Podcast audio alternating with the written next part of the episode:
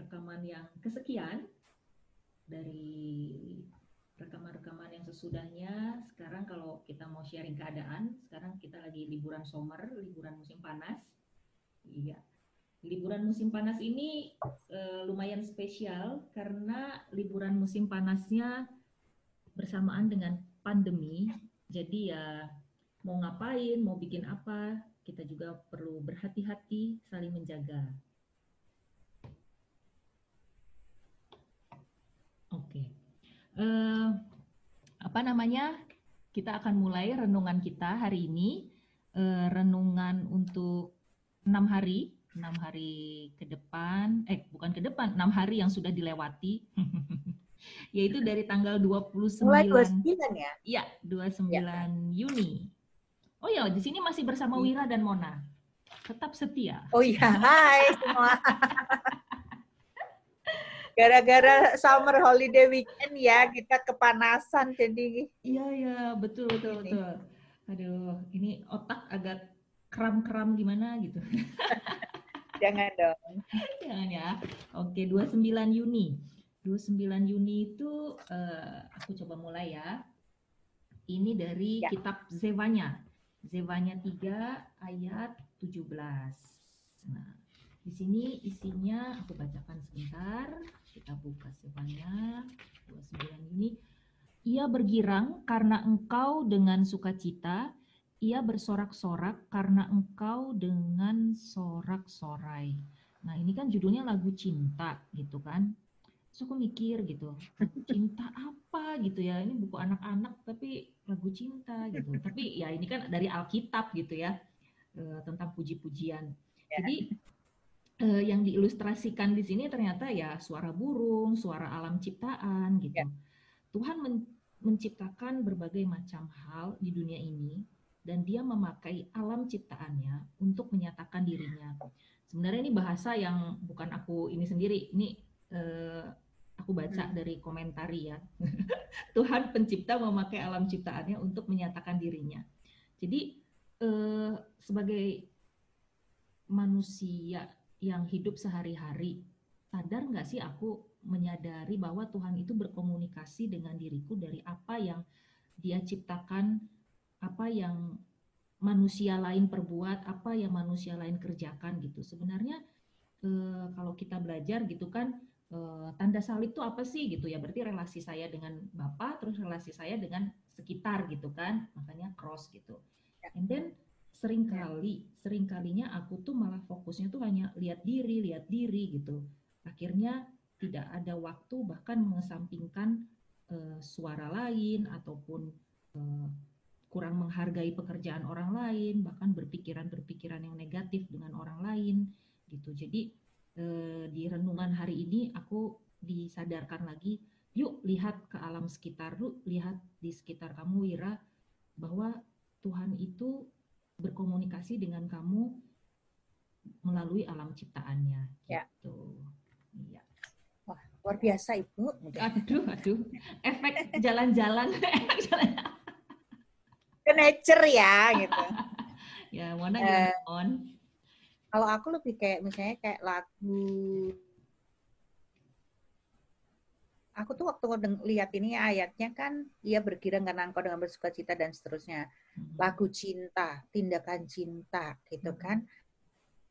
Ternyata ngambilnya uh, uh, yang aku tangkap tuh beda Wir sama Wira. Hmm. Kalau aku tuh kayak mungkin waktu nulis ini kan kayaknya kita nulis sudah kayak dua minggu lalu. Iya iya iya. Itu ya kayaknya.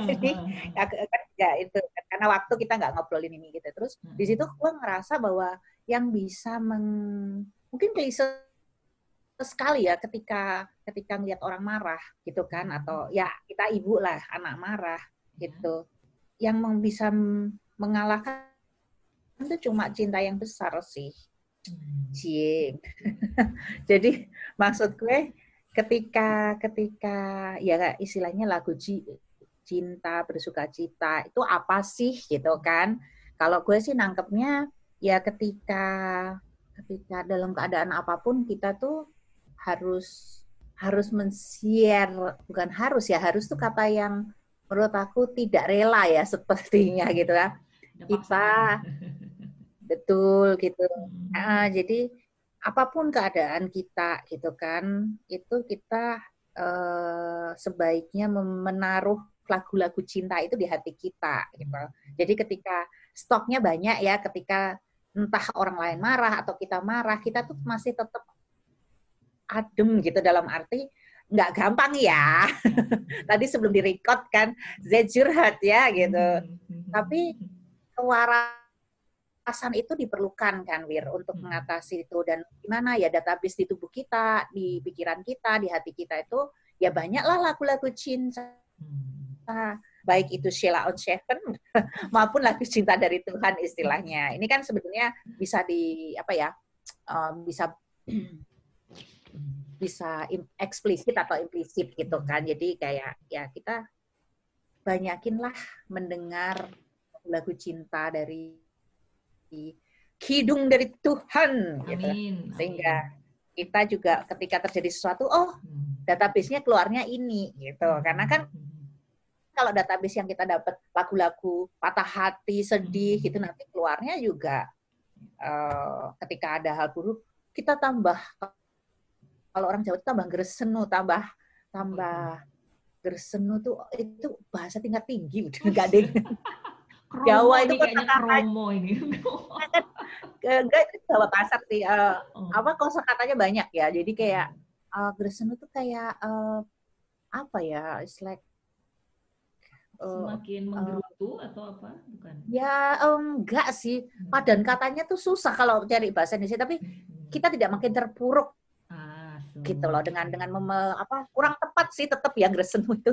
Cuma gresenu tuh hanya dipahami oleh tingkat dewa gitu oh, kan.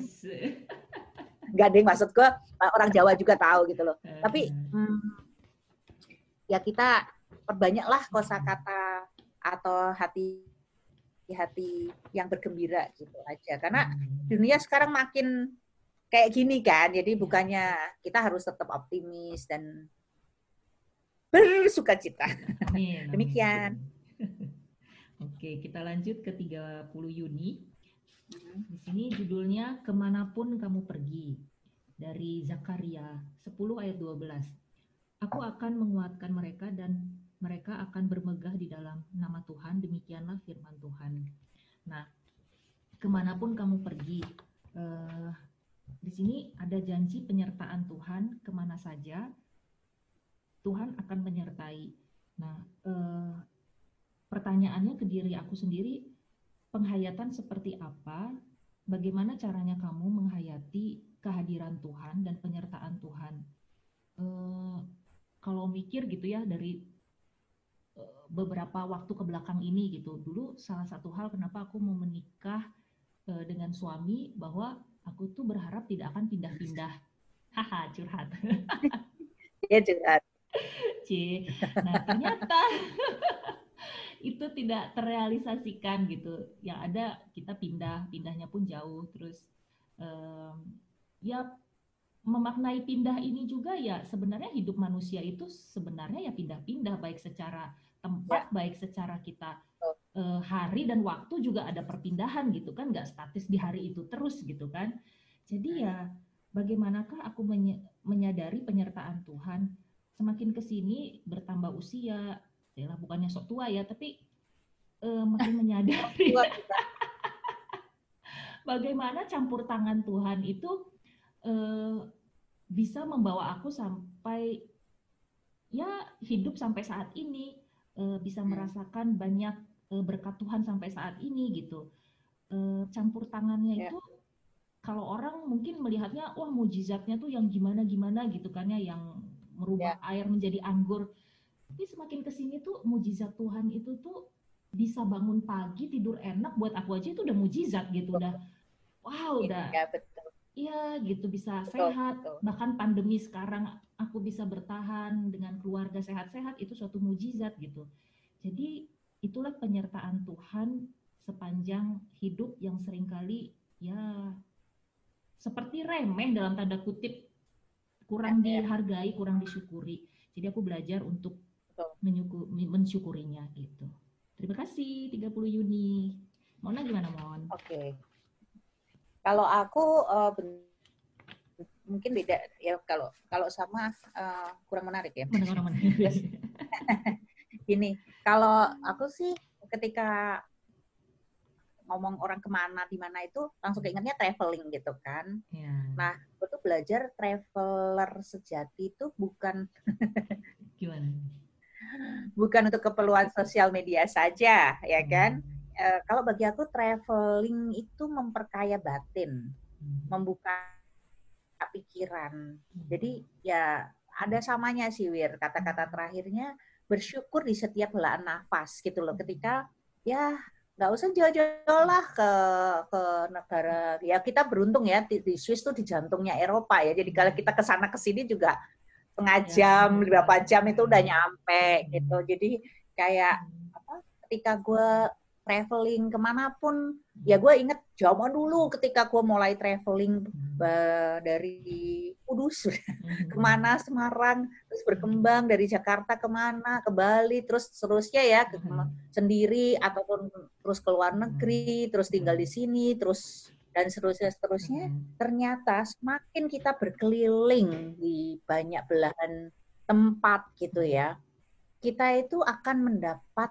uh, apa ya pemikiran-pemikiran baru hmm. dan yang paling menyenangkan adalah kita bersyukur di setiap setiap helak nafas itu gitu loh.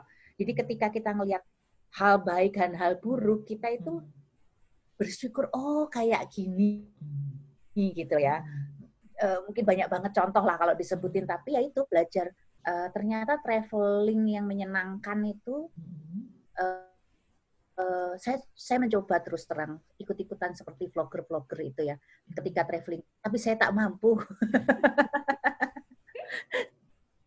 Saya saya suka foto ya Wir kalau saya kayak hmm. foto atau apa gitu. Tapi uh, jujur aku kagum banget sih sama sama orang-orang yang ngevlog apa ini apa segala macam aku aku nggak menikmati sih travelingnya itu sendiri. Jadi aku prefer ya memang sudah panggilannya masing-masing. Saya panggil istilahnya adalah nggak aku pernah dikasih tahu orang gitu kan hmm. iya hmm. bawa pakaian siap apa jadi setiap hmm. di lokasi itu ganti pakaian angle-nya di ini oh. uh, luar biasa ya luar gitu biasa sekali nah, saya tuh kalau lagi liburan apalagi kalau ke alam ya wir gitu hmm. jadi kayak kayak pengennya pakai yang nyaman hmm. gitu kan mau cocok nggak cocok di foto kalau bisa sih yang ya bisalah di foto pantas gitu hmm. kan kan tapi nggak ganti-ganti kostum.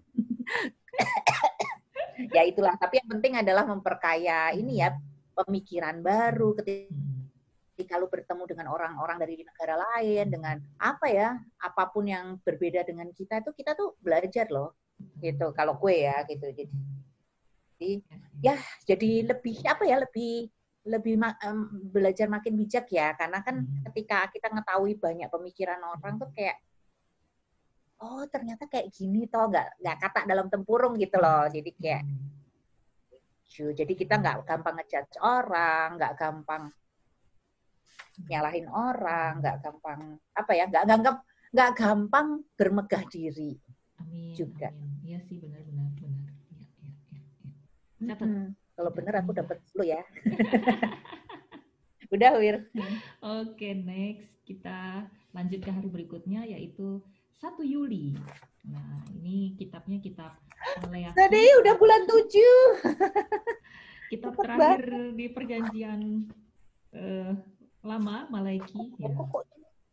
Hmm. Iya, tanggal 1. Ya, ini isinya adalah bahwasanya aku Tuhan tidak berubah. Nah, bahwasanya aku Tuhan tidak berubah. Nah, aku ngelihatnya gini, ini kan perjanjian lama terakhir ya, kitab yang terakhir, terus mau masuk ke perjanjian baru. Terus aku jadi pikir-pikir apa ya yang bisa aku uh, renungkan dari bahwasanya aku Tuhan tidak berubah gitu. Jadi yang aku lihat di sini adalah uh, karakter Tuhan yang ada itu apa aja sih yang bisa aku inget gitu. Terus aku coba-coba nginget uh, caranya tuh gini dengan dengan cerita-cerita anak sekolah minggu gitu kan. Contohnya eh, ada lima hal yang yang aku mau sharing di sini cerita tentang pembebasan uh, bangsa Israel dari Mesir. Itu kan anak sekolah minggu sering banget kan dengar cerita itu. Di sini yeah. apa sih yang yang mau diperkenalkan Tuhan? Ya, di sini Tuhan yang yeah. membebaskan, Tuhan yang membela, Tuhan yang adil. Dia itu memelihara sepanjang uh, perjalanan mereka di padang gurun gitu. Terus aku juga ingat cerita Abraham gitu. Apa sih yang bisa kamu ingat tentang cerita Abraham dan Tuhan yang seperti apa gitu. Ya Tuhan yang memimpin ya. Abraham, ya. Tuhan yang memberi janjinya dan ya. dipelihara. Kemudian berangkat ke cerita Nuh gitu kan. Wih, kalau cerita Nuh kan kayaknya waduh gimana gitu ya, banjir besar dan seterusnya gitu kan. Cuma kalau mau dilihat di sini ya Tuhan yang sayang itu ya Tuhan yang memelihara. Contohnya kayak orang tua melihat anaknya bikin yang error gitu yang yang nggak benar gitu kan di saat aku menghukum anak di situ juga aku memberikan memberitahu aku tuh mengasihi kamu gitu loh e, perbuatan kamu yang ini hmm. itu tidak benar makanya aku kasih tahu ya. kamu terimalah hukuman itu gitu jadi ada Tuhan yang memelihara terus terakhir Daud gitu kan cerita Daud ini apa gitu ya yang bisa dihayati di sini ya Tuhan memberikan kuasa sebagai raja kepada Raja Daud. Kemudian Daud juga pernah bersalah dalam perselingkuhannya gitu kan. Dan dia hmm. diampuni dari kesalahannya, ditolong dan dipelihara gitu. Bahkan Yesus itu lahirnya dari keturunannya sama si Betseba ini gitu kan dari eh, Salomo kan. Ya. Anaknya eh, keturunan ini lahirnya gitu. Jadi sekarang gimana apa apa relevansinya dalam hidupku gitu ya. Jadi hidup satu hari lagi lebih baik dari hari kemarin gitu. E, hal ini sih yang sekarang aku sedang latih gitu ya. E, nggak usah ngoyo lah. Ya memang kita punya rencana ke depan gitu ya. Kita punya prospektus 10 tahun ke depan, e, pensiun mau ngapain atau anak-anak ke depan gimana. Ya, kayak kerja. Tapi gimana aku mau nyampai plan ya. Iya gitu kan kita ya contohnya bisnis plan gitu in five years, ten years gitu tapi gimana kita mau bisa nyampe ke situ kalau satu hari ini aja nggak diopeni baik-baik gitu kan? Jadi betul betul. Uh, gitu. Karena apa yang terjadi di depan baik tidaknya ya hari ini baik apa enggak gitu kan. Jadi betul, how betul, to survive betul. in in the God in apa ya in the God way today gitu dengan sebaik-baiknya. Ya, ya, ya. Itu sih Mona. Terima kasih untuk waktunya. Ya sih karena kalau kalau apa namanya kalau aku tuh kan karena udah di kerjaan bikin bisnis plan hidupku hmm. nggak aku plan plan banget sih jadi ma, hidupnya sudah bersama Christian yang bersama Tuhan amin amin nah sih kita punya punya ujung ke ujungnya kita tahu lah kurang ya, lebihnya tapi ya. uh, jujur uh, justru malah hidupku tuh aku biarin kata mengalir sendiri ini sebenarnya menurut aku bisa benar bisa tidak ya tergantung hmm. konteksnya apa gitu. Jadi kalau hmm. gue sih ya itu dari hari ke hari kita kita berbuat lebih baik. Maksudnya gue setuju banget sih Wir kalimat-kalimat lo. Uh, gak setuju juga nggak apa-apa kata Wira ya. Buat pendengar juga kalau nggak setuju nggak apa-apa. kalau nggak setuju nggak apa-apa loh. Kita iya. kita setuju dengan ketidaksetujuan ya Wir ya. Iya betul. Itu yang namanya adalah murah hati. Apa sih? apa sih gitu lah kalau kalau aku satu Juli itu ketika gue denger tidak berubah apa ya gitu loh terus gue tuh nemu ini nih Mir kalau hmm. kita lihat ya kalau gue mengamati ya dari pengetahuan gue di seluruh dunia sepanjang gue kecil sampai sekarang gitu ya manusia tuh selalu nyari pegangan apa pun hmm. itu terutama gue itu kan uh, tumbuh dalam tradisi sebenarnya uh, Jawa ya atau hmm. Cina Jawa gitu ya. Jadi itu di dua kultur itu sama kuatnya uh, orang-orang tuh uh, percaya pegangan gitu kan. Hmm. Mau dibentuk-bentuk uh, apa spiritual things apa hmm. dan seterusnya. Bahkan kalau kita ngomong agama, agama apa? Agama itu kan pegangan gitu loh, supaya orang tahu arahnya dan seterusnya. Nah, karena tuh kenapa? Karena semua tuh berubah. Gak ada yang pasti kecuali kelahiran dan kematian. Kalau gue ya mikirnya. Jadi orang orang tuh kayak apa ya? Jadi kayak selalu mencari pegangan-pegangan. Nah, berbahayanya ketika pegangannya itu uh, mengarahkan ke jalan-jalan yang, yang uh, mendukakan hidupnya di kemudian hari gitu. Jadi kayak ya banyaklah cerita kalau ada kenapa orang narkoba dan seterusnya itu classic story like oh my father is like a broken home la la la la gitu ya. ya tapi kan banyak kisah-kisah yang kita tahu sebenarnya kalau kita lihat ujung-ujungnya oh lagi nyari pegangan hidup hmm. gitu. Ya mungkin banyak orang yang terlahir di keluarga bahagia, di keluarga mungkin kalau kita konteksnya ini kan uh, mengetahui apa Tuhan, Kristen atau agama apa pun yang mereka anut kan. Oh, tapi ini konteksnya kita ngomong Kristen ya karena kitab dan kopi. Eh tapi orang semua orang kan punya kitabnya ya. Hmm. Aku bingung gitu.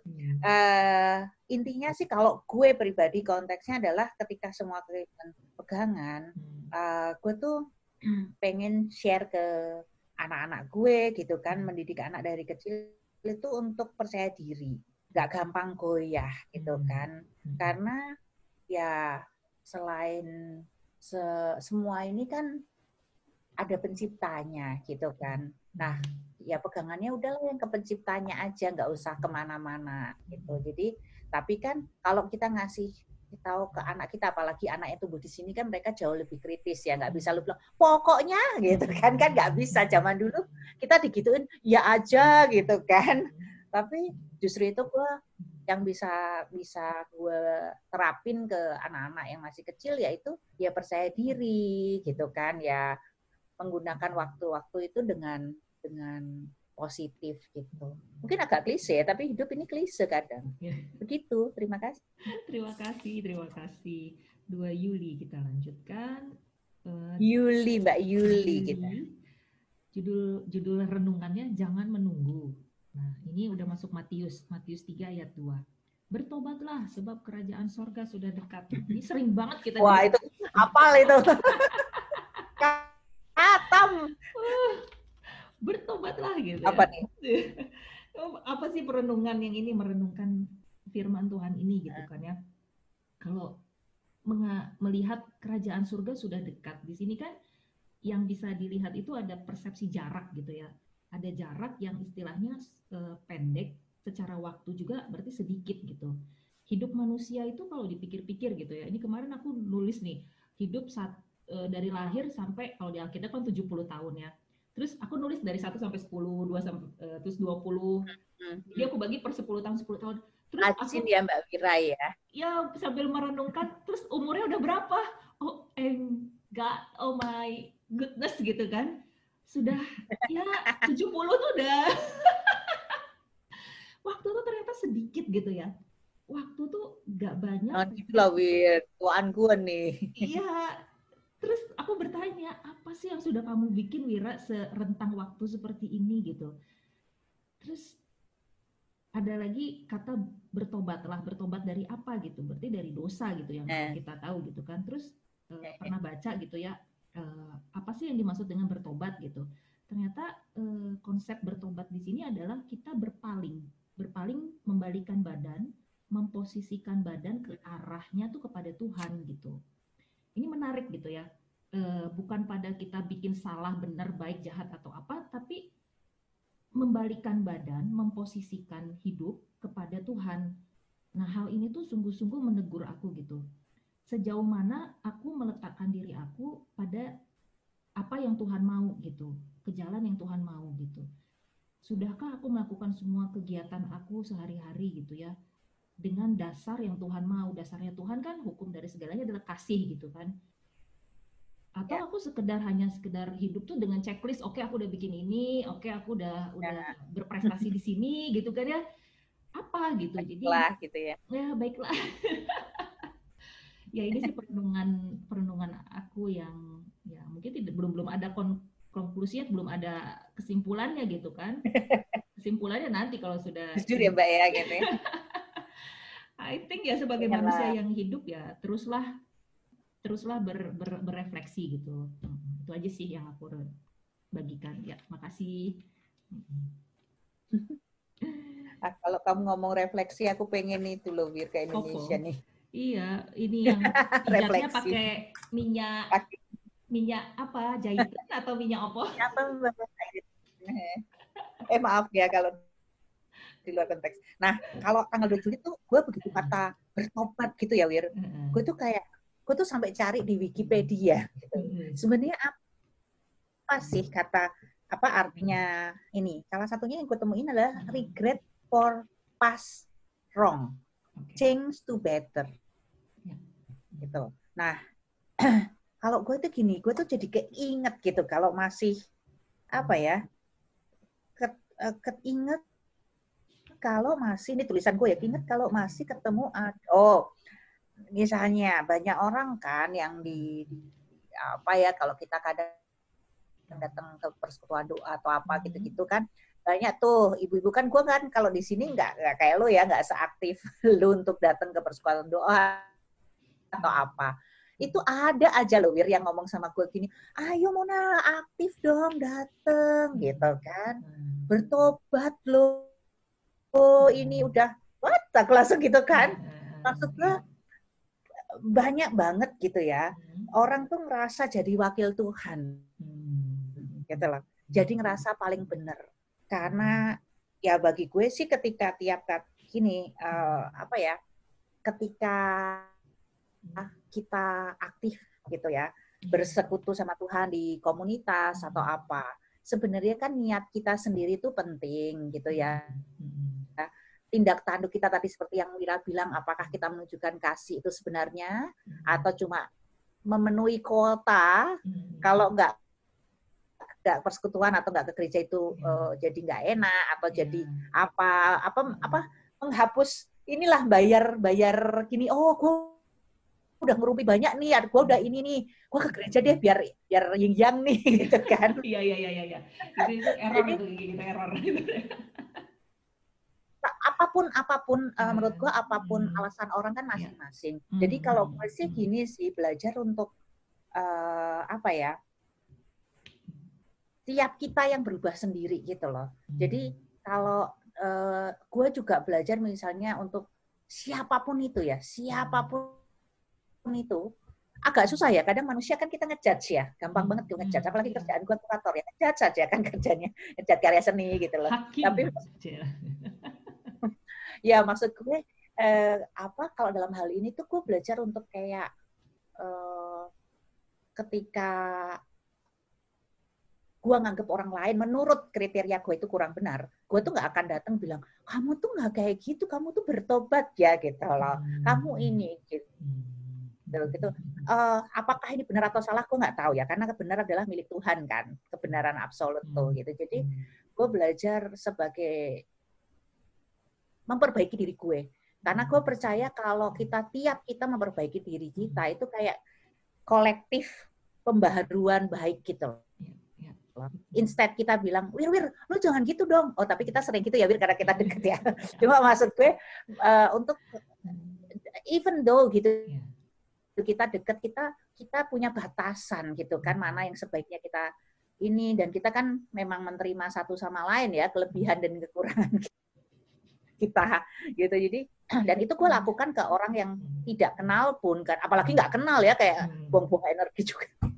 tapi maksud gue bukan itu sih tapi uh, ya gue masih inget gitu gue pernah yang itu di acara yang kita datang bareng itu wir nggak mm -hmm. sengaja mm -hmm. ada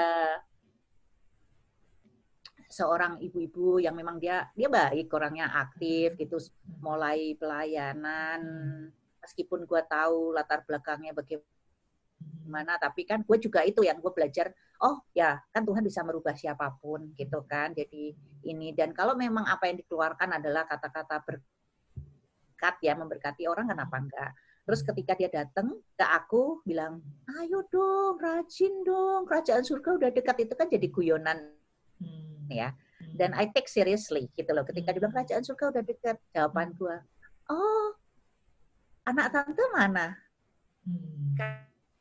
Karena makanya itu yang gue juga uh, mungkin gue agak-agak sarkas juga ya karena gue tahu what kind of uh, maksudnya apa anaknya juga uh, tidak bergereja malah memeluk agama lain dan seterusnya. Tapi itu kan urusan masing-masing. Dan di situ gue belajar ketika kita menegur orang gitu kan sudah belum sih kita itu lebih baik atau keluarga kita gitu. Jadi uh, tanpa mengurangi rasa hormat sama dia gue sendiri waktu ya setelah seminar itu kan dia sempat kayak meluk gue sempat berdoa bareng untuk anaknya dia bilang e, apa saya bersyukur eh, Mona ada di sini dan seterusnya seterusnya dan dia bilang ya dia sendiri sebenarnya sedih kan jadi hmm. itu menariknya ketika kita ada orang yang ngomong sesuatu tentang kita, kebanyakan dari cerita-cerita itu dia hmm. sendiri itu belum konten. Ya. Jadi dia akan berusaha mengontenkan orang lain hmm. untuk apa me, apa menjustify hmm. ketidakkontenan dia. Waduh, pembicaraan apa ini? Bingung rek gitu kan? Ya nggak sih gitu. Di situ gue gue juga meluk dia. Gue bilang, iya tante kita doa sama-sama gitu. Jadi kayak bukan gue lebih baik ya Wir, tapi maksud gue gue gue nggak berani gitu loh untuk untuk ngejudge orang. Ya kadang-kadang ya secara manusia ya namanya wah, kalau lagi kesel gitu kan, tapi hmm. ketika kita kayak tadi refleksi kaki dia hmm. refleksi lagi. Kayaknya mendingan setiap itu seru loh ketika kita setiap dari kita tuh belajar gitu kan. Hmm. Lihat kaca terus. Tadi kita lihat kaca ah, oh aku tadi nggak nggak ini ya tadi pas pembicaraan pertama kan waktu kita di zoom loh Wir aku di kaca kok bagus ya tapi ini kok kelihatan kusut gitu jadi sisi yang ini yang lain anyway uh, itu sih Wir jadi kayak ya uh, bertobat sendiri tuh kata-kata yang yang sangat berat menurut gue. Jadi kita hmm. jangan sembarangan, kalau gue ya jangan sembarangan untuk bilang, eh bertobat dong, udah ini. Nanti kalau di sampai di depan Tuhan dikasih listnya kita kaget nih. Bos diri sendiri belum beres gitu iya. kan. Ya, ya itulah yang namanya firman pedang itu sih dari aku. Uh, ya. Iya. Makasih Mona. Ya itu yang firman bermata dua tuh pedang bermata dua gitu di saat kita ngomong ya seperti tadi cermin gitu ngelihat ya, ya. gimana gitu kan hmm. diri sendiri. Ya. But, uh, ya begitulah hidup. Ya kita next 3 Juli ya, 3 eh 2 ya 2 Juli sudah 3 Juli. Masih banyak ya ANSY. Ya, Drive pun. Sampai 5 okay, Juli kan kita. Oke. Okay.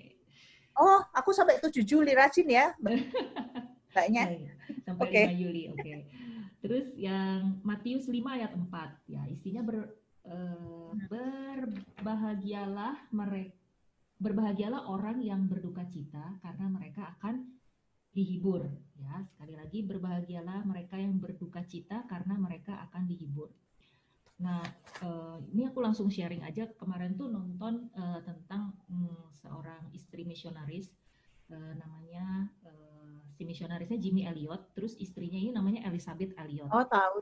Mm -hmm. ya terus? Nah ini ini kisah yang uh, ya kita semua sering mendengar ya bagaimana istrinya ini datang ke suku itu yang sudah membunuh suaminya kemudian uh, akhirnya bisa hmm. membuat hmm. apa suku tersebut percaya kepada Tuhan gitu kan kata-kata yang uh, membuat aku uh, wake up gitu ya uh, tersadar itu waktu yeah. uh, Elizabeth Elliot bilang gini suffering is never for nothing God taught me the deepest lesson he can transform transform something terrible into something wonderful. Uh, amin. Amin gitu. ya seorang istri yang ditinggal oleh ya suaminya mati seperti itu terus dia bisa meng mengeluarkan kata-kata seperti ini tentunya dia oh pergumulannya itu seperti apa gitu ya eh, pergumulan dia gitu kan tapi di ya. sini dia bisa bilang he can transform something terrible into something wonderful. Ya, berbahagialah mereka yang berduka cita karena mereka akan dihibur gitu. Pasti setiap kita masing-masing punya kesedihannya, ada porsinya gitu. Yeah. Cuma sekarang di sini mau nggak sih kita ditransform oleh Tuhan yang benar-benar tahu apa mm-hmm. yang terbaik buat hidup kita, atau kita hanya fokus sama kesulitan aja, terus cari-cari penghiburan yang I think this is the better uh, apa ya uh, hal yang paling oke okay penghiburan adalah begini gitu ternyata salah gitu nah saran dari buku ini sendiri dia selalu bilang eh bukan selalu bilang dia bilang di sini lihat sisi baiknya gitu hmm. lihat sisi baiknya gitu uh, dari suffering itu gitu uh, tadi kita sempat yeah. sharing juga gitu kan uh, di awal yeah. saat kita tahu Tuhan kita Tuhan yang baik gitu dan kita bisa melihat the good thing dari sesuatu yang terrible gitu. Di situlah kita bisa melihat adanya Tuhan Tuhan yang hadir Tuhan yang memelihara dan seterusnya dan seterusnya. Ya. Tidak mudah. Tidak mudah tidak mudah. Seorang Elizabeth tidak bisa mudah. iya kayak gini tuh wah gitu ya. Tidak mudah. Ya teorinya begitu. gitu kan. Hmm. dan terus terang ya terus terang dengan dengan aku dengan Mona seperti ini kita uh, sharing sampai uh, dua tahun seperti ini terus aku sempat cerita juga ke Gak pikir bilang sampai dua jam gitu. Ibu belum kalau pas makan siang. Iya. Hewir ada beberapa yang bilang kalian bisa ya sharing sampai bertahan gitu dua tahun terus uh, oh ya iya dia dia bilang kok bisa sih? gitu ya bilang Iya ya bisa aja. Eh. Karena dasarnya firman Tuhan, Cile. Makanya gue sok-sok tepuk tangan gitu. gitu. Kalau dasarnya, aku pikir yang bisa memelihara sampai sekarang ini kalau bukan karena anugerah ya, Tuhan, ya, kita dasarnya ini, I think, aduh, uh, kita masing-masing punya sufferingnya, punya egonya, punya punya pride-nya, punya seterusnya dan seterusnya gitu loh. Kalau bukan karena Tuhan yang menyatukan itu nggak mungkin. Jadi, ayo teman-teman yang mendengar, kalau hmm. punya teman yang mau diajak sharing gitu iya uh, satu orang gitu kita bicara firman Tuhan sama-sama ayo ini kita kenapa kita bikin podcast ini juga yeah. karena kita merasakan betapa baiknya yeah. Tuhan gitu ya ya ya ya dan yang yang menarik adalah dari hubungan kita sejak awal hmm adalah kita sudah setuju atas tidak kesetujuan itu eh yeah. tidak maksudnya nggak harus sama pemikiran kita gitu jadi hmm. uh, itu menarik karena kan hmm. tujuan tujuan awalnya memang kita tuh pengen belajar sama-sama. Hmm. Itu kan yang membuat kita tuh mungkin awet ya Wir gitu. Hmm. Karena kan kalau niatnya mau bermegah dengan pengetahuan yang kita punya mungkin nggak hmm. nyambung gitu. Karena hmm. ya pasti kena egonya masing-masing. Justru kayaknya dua tahun ini kita saling diasah ego betul, betul ya dari iya. sisi aku, dari sisi Ira gitu. Dengan cara bersikap kita yang berbeda, gue belajar tahuin oh karakter kayak ini ngelajar. Malah nggak cuma firman Tuhan sih gue belajar banyak tentang karakter tentang prinsip tentang banyak hal ya Wir ya.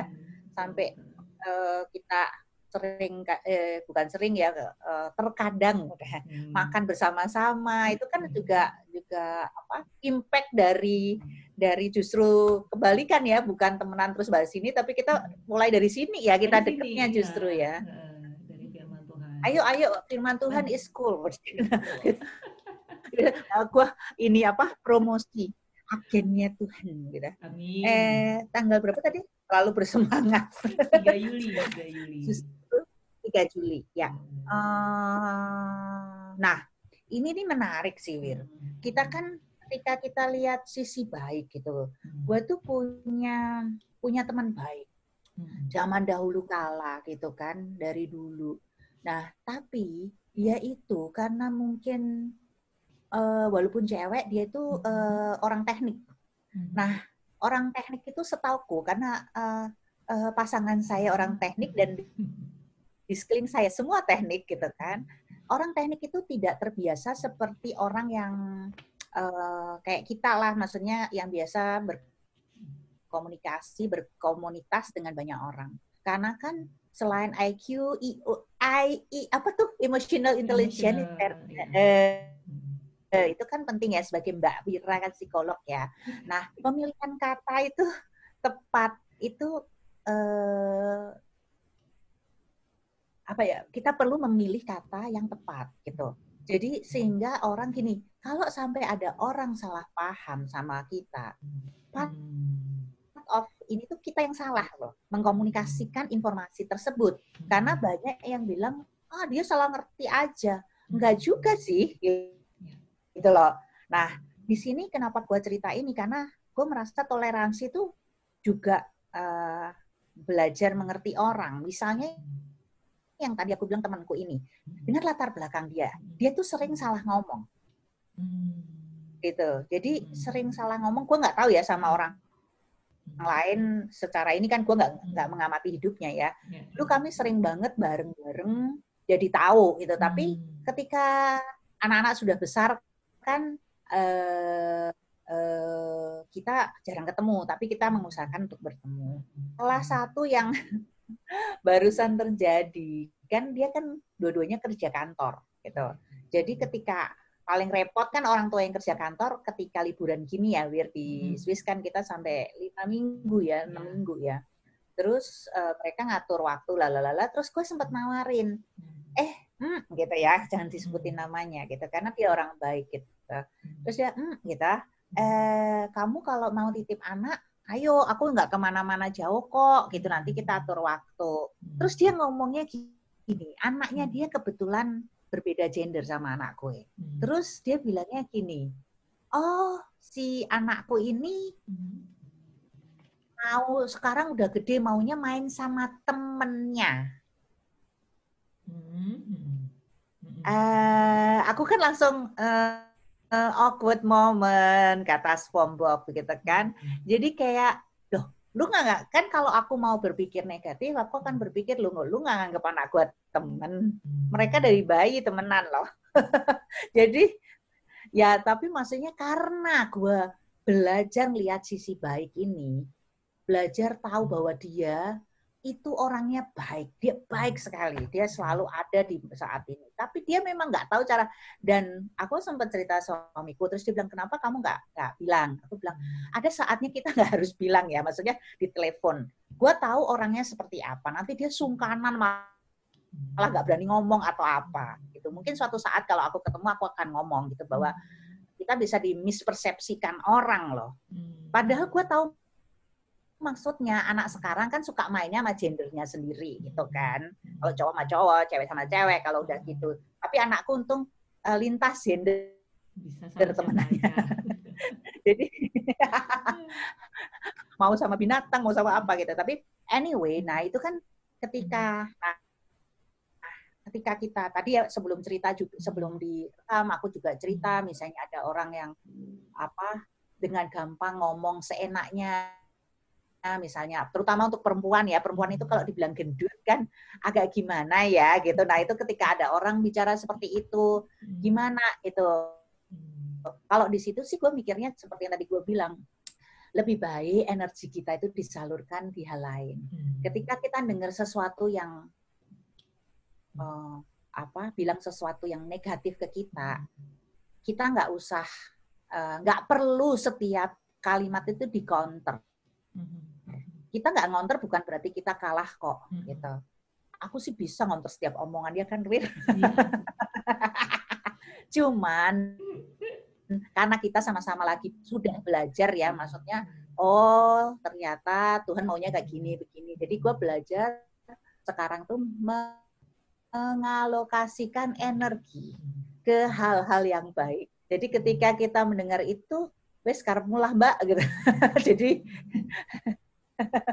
jadi ya sudah gitu uh, ada hal-hal yang nggak perlu kita tanggepin gitu loh. Jadi bukan berarti kita kita kalah kita apa tapi uh, belajar untuk ngendaliin ego gitu. Jadi kalau ketika ada orang bilang apa pun jadi istilahnya gini ketika kita dipuji kita tuh nggak melayang-layang. Ketika kita di apa dibully atau dikatakan sesuatu gitu aku nggak suka dihina nggak ada yang berani hina gue wow gitu nggak maksudnya di, ada kan iya, orang-orang yang suka challenging kita, yeah. challenge gitu kan. Mm-hmm. Oleh orang kita juga nggak nggak merasa kita seperti itu. Mm-hmm. Jadi tetap aja minjak tanah kalau orang Jawa.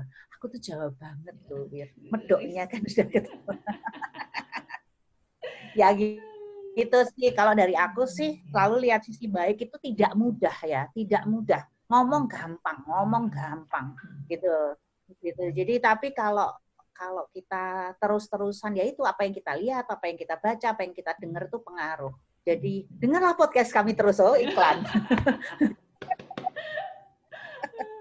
Memberi kabar baik. Enggak sih, jadi maksudnya kan eh, maksudnya kita kita pun punya perjalanan hidup yang yang naik turun ya Wir hmm, gitu yeah, sebagai manusia yeah. tapi di situlah gue tahu instead kita membaca berita-berita yang belum tentu benar terutama di Indonesia ya itu kan banyak hoax hoax yang dan seterusnya. Hmm. udah deh baca baca firman Tuhan atau baca hal-hal yang positif banyak kok gitu.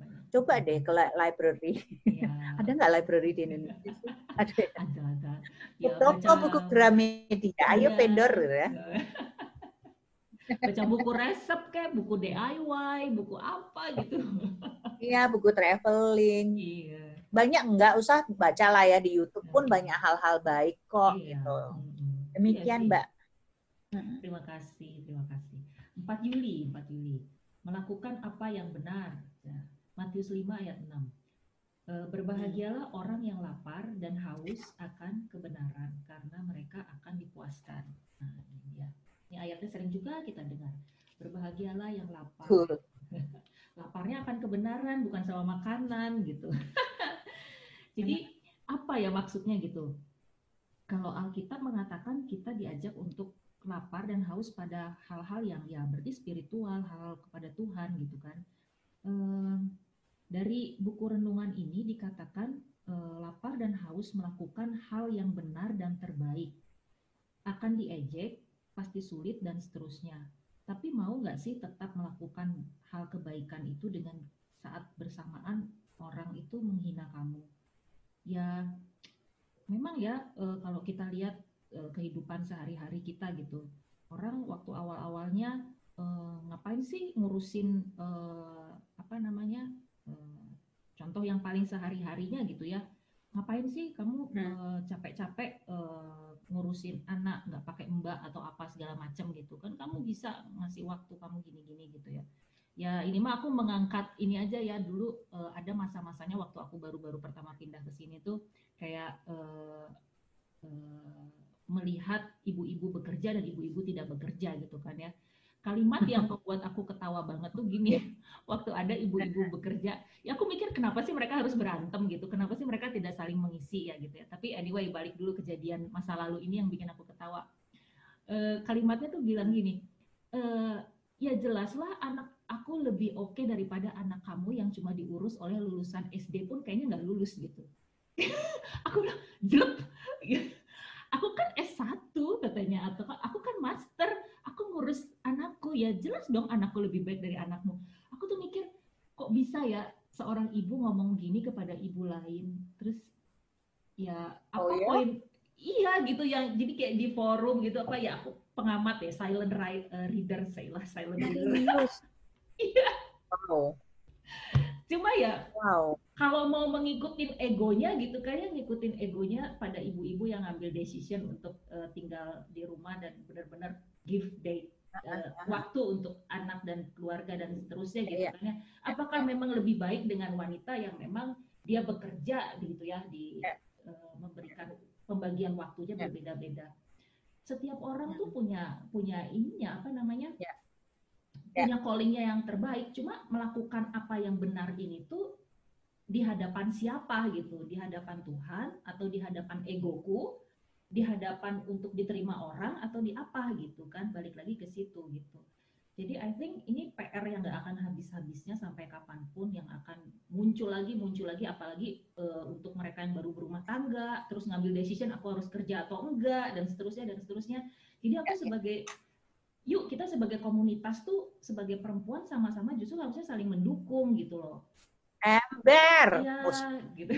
semangat kalau ngomongin gini semangat bukannya saling ya gimana gitu loh. Kita tuh kan mau mau sama-sama ya, mendidik ya. seorang manusia seorang anak gitu. Mau kamu kerja ataupun enggak gitu itu bukan jadi takaran gitu. Bukan menjadi takaran bahwa ya, aku lebih baik dari kalian atau lebih dari kanan kiri gitu. Tapi gimana kita bisa mentransfer pikiran kita kepada anak gitu. Mau kita kerja ataupun enggak. Betul, gimana betul. kita bisa mendidik anak kita gitu. Betul, Dira dapat 10 begitulah aku juga jadi emosi cila me me mengingat lagi apa yang dibaca di masa lalu ya itulah semoga kita semua waktu bisa itu lu lagi apa enggak waktu itu aku baru pindah ke sini Oh, Oke. Okay. Ya, jadi waktu itu uh, jujur ya, jujur saat itu tuh ada uh, ada iya nih, aku kan nggak kerja nih saat ini, tapi setelah dipikir-pikir apa baiknya juga gitu. I'm not better than uh, ibu yang bekerja ataupun yang enggak gitu. Setelah direnungkan, apa jadi poinnya gitu kan ya? Aku ada di dunia ini, aku sebagai ibu, aku sebagai istri dan seterusnya gitu. ya, karena kalau misalnya uh, aku lumayan gatel untuk nanggepinnya kayak gini. Mm -hmm. Gini ya, Wir, karena maksudku gini, uh, bukan karena aku bekerja ya, mm -hmm. tapi aku diuntungkan mungkin karena aku be bisa bekerja bidang pekerjaanku kan seni. Iya, hmm. jadi aku bisa bekerja tanda kutip di mana pun gitu, sampai kapan pun eh, nggak uh, ada job gitu. jadi uh, intinya tuh menurut gue gitu ya pribadi gitu, ketika gue tuh orang yang selalu melakukan segala sesuatu dengan optimal. Dalam artian gini, ketika aku single, aku aku akan optimal melakukan kesinggelanku dengan dunia singleku. Hmm. Ketika aku menjadi suami istri, hmm. aduh jangan tanya suamiku ya. Menurut aku gitu ya, hmm. aku uh, di, di ideal di perspektifku, ya aku harus menjadi istri yang baik dalam konteks hubungan kami berdua ya. Aku nggak mau sosial mau ngomong apa, bagi gue suami gue dan gue itu agree is okay gitu. Demikian juga ketika gue tahu gue hamil, hmm. jujur aja, I ada deg-degan ya karena wow gadis tomboy ini hamil gitu kan teman-temanku aja ketawa waktu gue hmm. hamil yakin loh ya kayak gitu kan hmm. terus tapi intinya ketika gue dipercaya untuk uh, apa mengandung dan punya anak gue juga berjanji aku akan optimal melakukan tugasku sebagai ibu sebagaimana yang aku bisa Nah, optimalnya gimana? Every mom knew better. Itu yang gue percaya. Jadi mau dia wanita pekerja, 24 jam di rumah ngurusin anak, mau semi semi kerja semi enggak, they know better. Karena intuisi seorang ibu ini kita ngomong konteks ibu yang benar ya. Maksudnya bukan ibu yang drag drug apa drug dan seterusnya gitu. Maksudnya kita tahu bahwa kita punya intuisi kok melindungi anak kita untuk memberi yang terbaik buat hmm. anak kita. Jadi ya itu tadi konteks yang tadi kita belajar untuk nggak ngejudge orang lain. Karena pasti seorang ibu itu tahu yang terbaik buat anaknya. Siapa pun ibu itu siapa pun keluarga itu gitu. Demikian khotbah hari ini. Jadi kalau sorry tadi aku nafsu Wir me, me, iya. karena ya banyak juga tahu yang apa orang-orang yang yaitu wakil wakil dewa gitu istilahnya yang oh I know better oh my god gitu hmm. kan. Ya nggak apa-apa juga itu kan dia harus belajarnya di tahap itu gitu loh. Hmm. jadi uh, kalau yang dari aku hmm. ketika lapar dan haus akan kebenaran gitu kan itu apa gitu kan? Kalau bagi aku akan selalu mempertanyakan jika ada ketidakadilan bukan diam cari aman. Karena dari pengalamanku ya, banyak orang Kristen yang aku temuin tuh misalnya nih gembar-gembor uh, orang lain salah, dia paling suci. Uh, eh, misalnya ketika ada orang korupsi, ada orang bullying, dia diem aja. Karena aku inget ya, mentorku itu tahu kan yang cewek cantik itu, itu pernah bilang di WhatsApp group, dia bilang gitu ada yang ngomong tentang uh, hal negatif, uh, kayak hoax gitu. Okay. Terus yang lain pasti akan pilih diam daripada ribut. Dia hmm. bilang loh, itu tidak baik ini ini ini ini. Hmm. Kita sebagai orang Kristen nggak boleh memperpanjang ini dengan move forward dan seterusnya. Hmm. Resikonya dia pasti akan yeah. dibilang, nah maksud gua gitu. Apakah kita berani berkata dan di satu sisi kita juga harus bijak memelihara perdamaian? Karena ya dulu gue mikir oh aku nggak takut tapi kenapa kalau kita bisa tidak menyakiti orang kenapa kita harus menyakiti walaupun untuk atas nama kebenaran gitu? Jadi tegas boleh tapi harus bijak sih ya kan jadi ya menurut aku gitu sih Wir karena kita orang Kristen tuh gampang banget kan kita gembar-gembor tentang kebenaran iya. apa. Begitu dihadapin di situasi, nggak usah yang gede, nggak usah lah dipanggil kayak Stephen Tong di penjara dan seterusnya. Hmm. Berani nggak kita kalau ada ketidakadilan bilang? Hmm, hmm, Tanpa kita mikirin misalnya, wah nanti aku dibenci, ah nanti aku gitu-gitu kan. Berani nggak kalau ada orang istilahnya diperlakukan apa dibully gitu kan yang istilah sekarang dibully di sosial media di keluarga atau di teman-teman kita kita ngomong. Menurut aku kalau berani itu baru benar. Karena banyak yang diem ya kan gitu. Jadi ya itu dari perspektif gua ya. Itu mungkin aku agak ekstrim ekstrim tapi aku nggak ekstrim ya kan terus jadi terakhir ya Wir ya, ya. Ini kayaknya bagi dua deh Wir kayaknya ininya Terus Oke, 5 Juli ya, Matius 5 ayat 8. Ah. Ber, e, berbahagialah orang yang suci hatinya karena mereka akan melihat Allah. Hmm, sekali lagi berbahagialah orang yang suci hatinya karena mereka akan melihat Allah. Nah, eh, di sini Allah yang diyakini itu adalah Allah yang baik. Maka di saat kita bisa melihat kebaikan di situasi yang kacau, tadi aku sudah uh, uh, sebutkan juga sebelumnya ya, Artinya kita bisa melihat Tuhan. Ilustrasi yang dikasih di renungan ini uh, menarik gitu ya. Uh, see beyond of the bad situation. Contohnya di sini kan hujan gitu ya. Kalau di sini dikasih contohnya, oh hmm. kalau hujan itu orang sering kali aduh ngeluh nih apa segala macam gitu. Tapi ada yang dipelihara. Apa yang dipelihara gitu bumi ini gitu. Alam ini dipelihara, bunga-bunga dipelihara. Terus di sini dikasih contohnya juga teman marah gitu ya mungkin dia tuh ada rasa sedih loh gitu. Nah, bisa hmm. melihat dari kacamata yang seperti itu tentu kan enggak buat aku sih itu bukan abrakadabra gitu kan ya bisa melihat sesuatu beyond uh, ses, uh, in apa the bad situation gitu.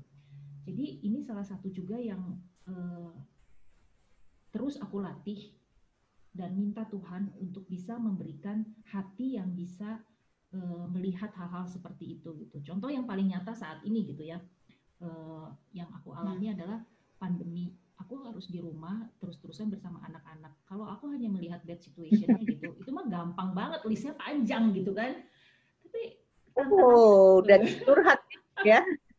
Coba bisa nggak gitu? Aku bisa beyond gitu. Apa sih yang bisa aku tulis list uh, kebaikan dari ini gitu kan ya bukan berarti ini adalah hal yang baik ya bukan bukan itu poinnya bukan berarti pandemi ini adalah hal yang baik tapi kejadian ini yang sedang dialami oleh setiap orang kemudian dialami oleh keluarga ya. kami poin apa sih Wir yang hmm. bisa kamu lihat bright side-nya gitu ya. oh aku bisa lebih paham tentang suamiku tentang anak-anak kebutuhan mereka tuh hmm. ternyata yang aku pikir tuh mereka butuh A ternyata mereka perlunya B gitu aku udah ada ada yang diperbaiki ya. oleh Tuhan gitu itu sih yang bisa aku sharing terima kasih oke okay.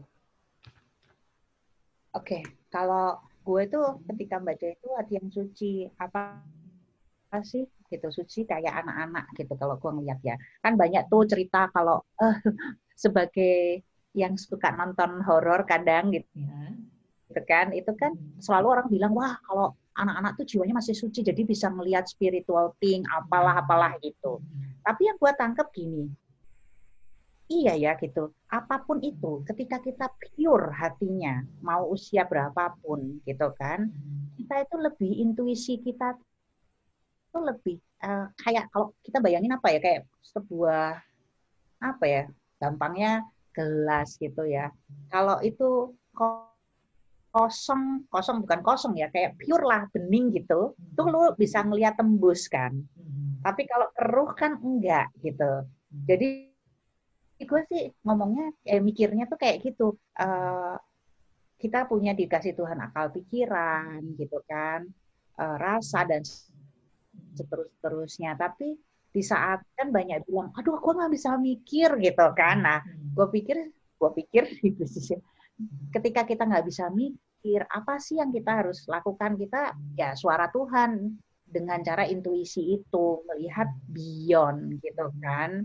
Jadi ya itu sekali lagi apa yang kita lihat, kita baca, kita dengar itu penting untuk ngasah ke sincerity, apa ketulusan hati ya. Karena gue selalu percaya ketika kita itu nggak banyak buruk sangka terhadap orang.